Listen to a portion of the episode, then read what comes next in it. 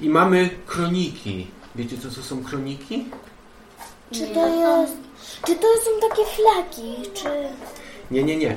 Kronika to jest książka, którą pisze się na bieżąco. Jak wy byście w waszej rodzinie mogli robić kronikę rodziny i na przykład codziennie pisać, co wasza rodzina robiła dzisiaj. Czy to jest takie jakby pamiętnik, ale piszesz każdy dzień? Pamiętnik jest jednej osoby, a kronika jest Całej rodziny. na przykład rodziny albo państwa. Albo kraju. No, kraju i państwa to jest to Tak. samo. Witam w trzeciej audycji Historia Polski dla dzieci. Dziś porozmawiamy znowu o bardzo starych książkach. Jak wiecie, to właśnie historycy zajmują się takimi starymi książkami. Często te książki są całe pogryzione przez szczury, pełno na nich kurzu i są pokryte pajęczynami. Ciekawe, czy historykiem może zostać ktoś, kto boi się pająków. Ale czy wiecie, która z tych książek, które badają historycy, jest najstarsza w Polsce? która jest najbardziej stara, taka najbardziej pogryziona przez szczury, na której jest najwięcej kurzu i najwięcej pajęczyn, jest to kronika polska Gala Anonima. Kronika to taki pamiętnik. Kronikę polską napisał ktoś o dziwnym imieniu. Historycy nazywają go Galem Anonimem.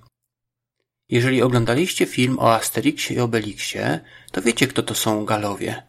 Byli to mieszkańcy Francji, którzy walczyli z Rzymianami. I właśnie jeden z nich, jeden z tych Galów, przybył do Polski i napisał kroniki polskie. Wszędzie, gdzie nie spojrzeć, nawet w takich maleńkich wioskach, płaci się podatek Cezarzowi. Obiecałeś z nim pogadać. Nie było o czym. Nie udawaj Greka. O tej galijskiej wiosce, która poddać nam się nie chce. Myślisz, że Cezar nie ma teraz nic ciekawszego do roboty? Żołnierze, przed wami jeszcze wiele tak czy inaczej Galów nie udało się pokonać. To jakaś nawiedzona wioska.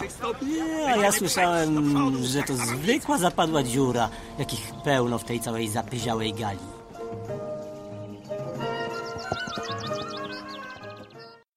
I właśnie jeden z tych Galów przybył do Polski i napisał kronikę polską. Nie podał on swego imienia, a więc historycy nazywają go anonimem, czyli kimś, kto się nie podpisał.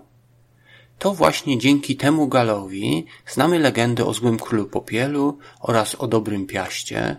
Gal Anonim spisał też historię Mieszka I, który ożenił się z chrześcijańską księżniczką z Czech. Pamiętacie jak miała na imię? Dąbrówka. Ona nakłoniła go do chrztu.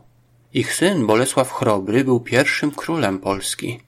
Potem jego syn Mieszko II stracił Polskę, a potem jego syn Kazimierz Odnowiciel musiał wszystko zbudować od nowa i dlatego nazywa się go właśnie Odnowicielem. Miał on dwóch synów, Bolesława Śmiałego i Władysława Hermana. Obaj byli też władcami Polski. Po nich Polską rządził Bolesław Krzywousty. I właśnie za jego czasów do Polski przybył anonim z Galii, nazywany Galem Anonimem, i napisał kronikę polską. Gal Anonim spisał w swojej kronice Polski nie tylko historię, ale także piosenki. Naszym przodkom wystarczały ryby słone i cuchnące. My po świeże przychodzimy w oceanie pluskające, pluskające. Ojcom naszym wystarczało, jeśli grudów dobywali, a nas burza nie odstrasza niż gruźny morskiej fali, morskiej fali. Nasi ojce na jelenie urządzali polowanie, potwory skryte w oceanie. Ding dong dong, ding dong dong. Dostęp do morza oznaczał świeże ryby do jedzenia. A czy wy lubicie jeść ryby? Polacy w czasach Gala Anonima bardzo lubili. Napisali właśnie o tym tę piosenkę. Gal Anonim natrudził się bardzo i napisał kronikę polską składającą się z trzech tomów. To było bardzo dużo pisania. Czy wiecie, jaką nagrodę za to dostał? To bardzo smutne, ale nikt go nawet za to nie pochwalił. Nikt też mu nie zapłacił za to. Na koniec chciałbym przeczytać wam fragment kroniki polskiej Gala Anonima o Mieszku I i Dobrawie. Ten fragment może być trochę trudny, bo są tu słowa ze staropolskiego. Mieszko, objąwszy królestwo, dalej jednak w takich pogrążony był błędach pogaństwa, że wedle swego zwyczaju siedmiu żon zażywał. W końcu zażądał w małżeństwo jednej bardzo dobrej chrześcijanki z Czech imieniem Dąbrówka. Lecz ona odmówiła poślubienia go, jeśli nie zarzuci owego zdrożnego obyczaju i nie przyrzeknie zostać chrześcijaninem.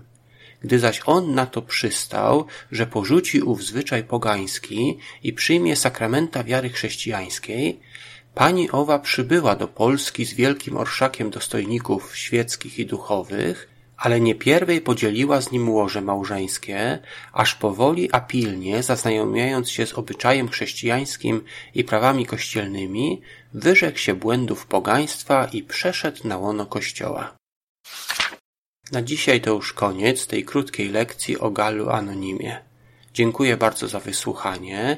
Jeżeli Wam się podobało, zachęcam do wystawienia dobrej oceny w iTunes i być może dania jednej, dwóch, trzech lub więcej gwiazdek, jeżeli Wam się podobało. Jeszcze raz dziękuję za wysłuchanie. Do usłyszenia.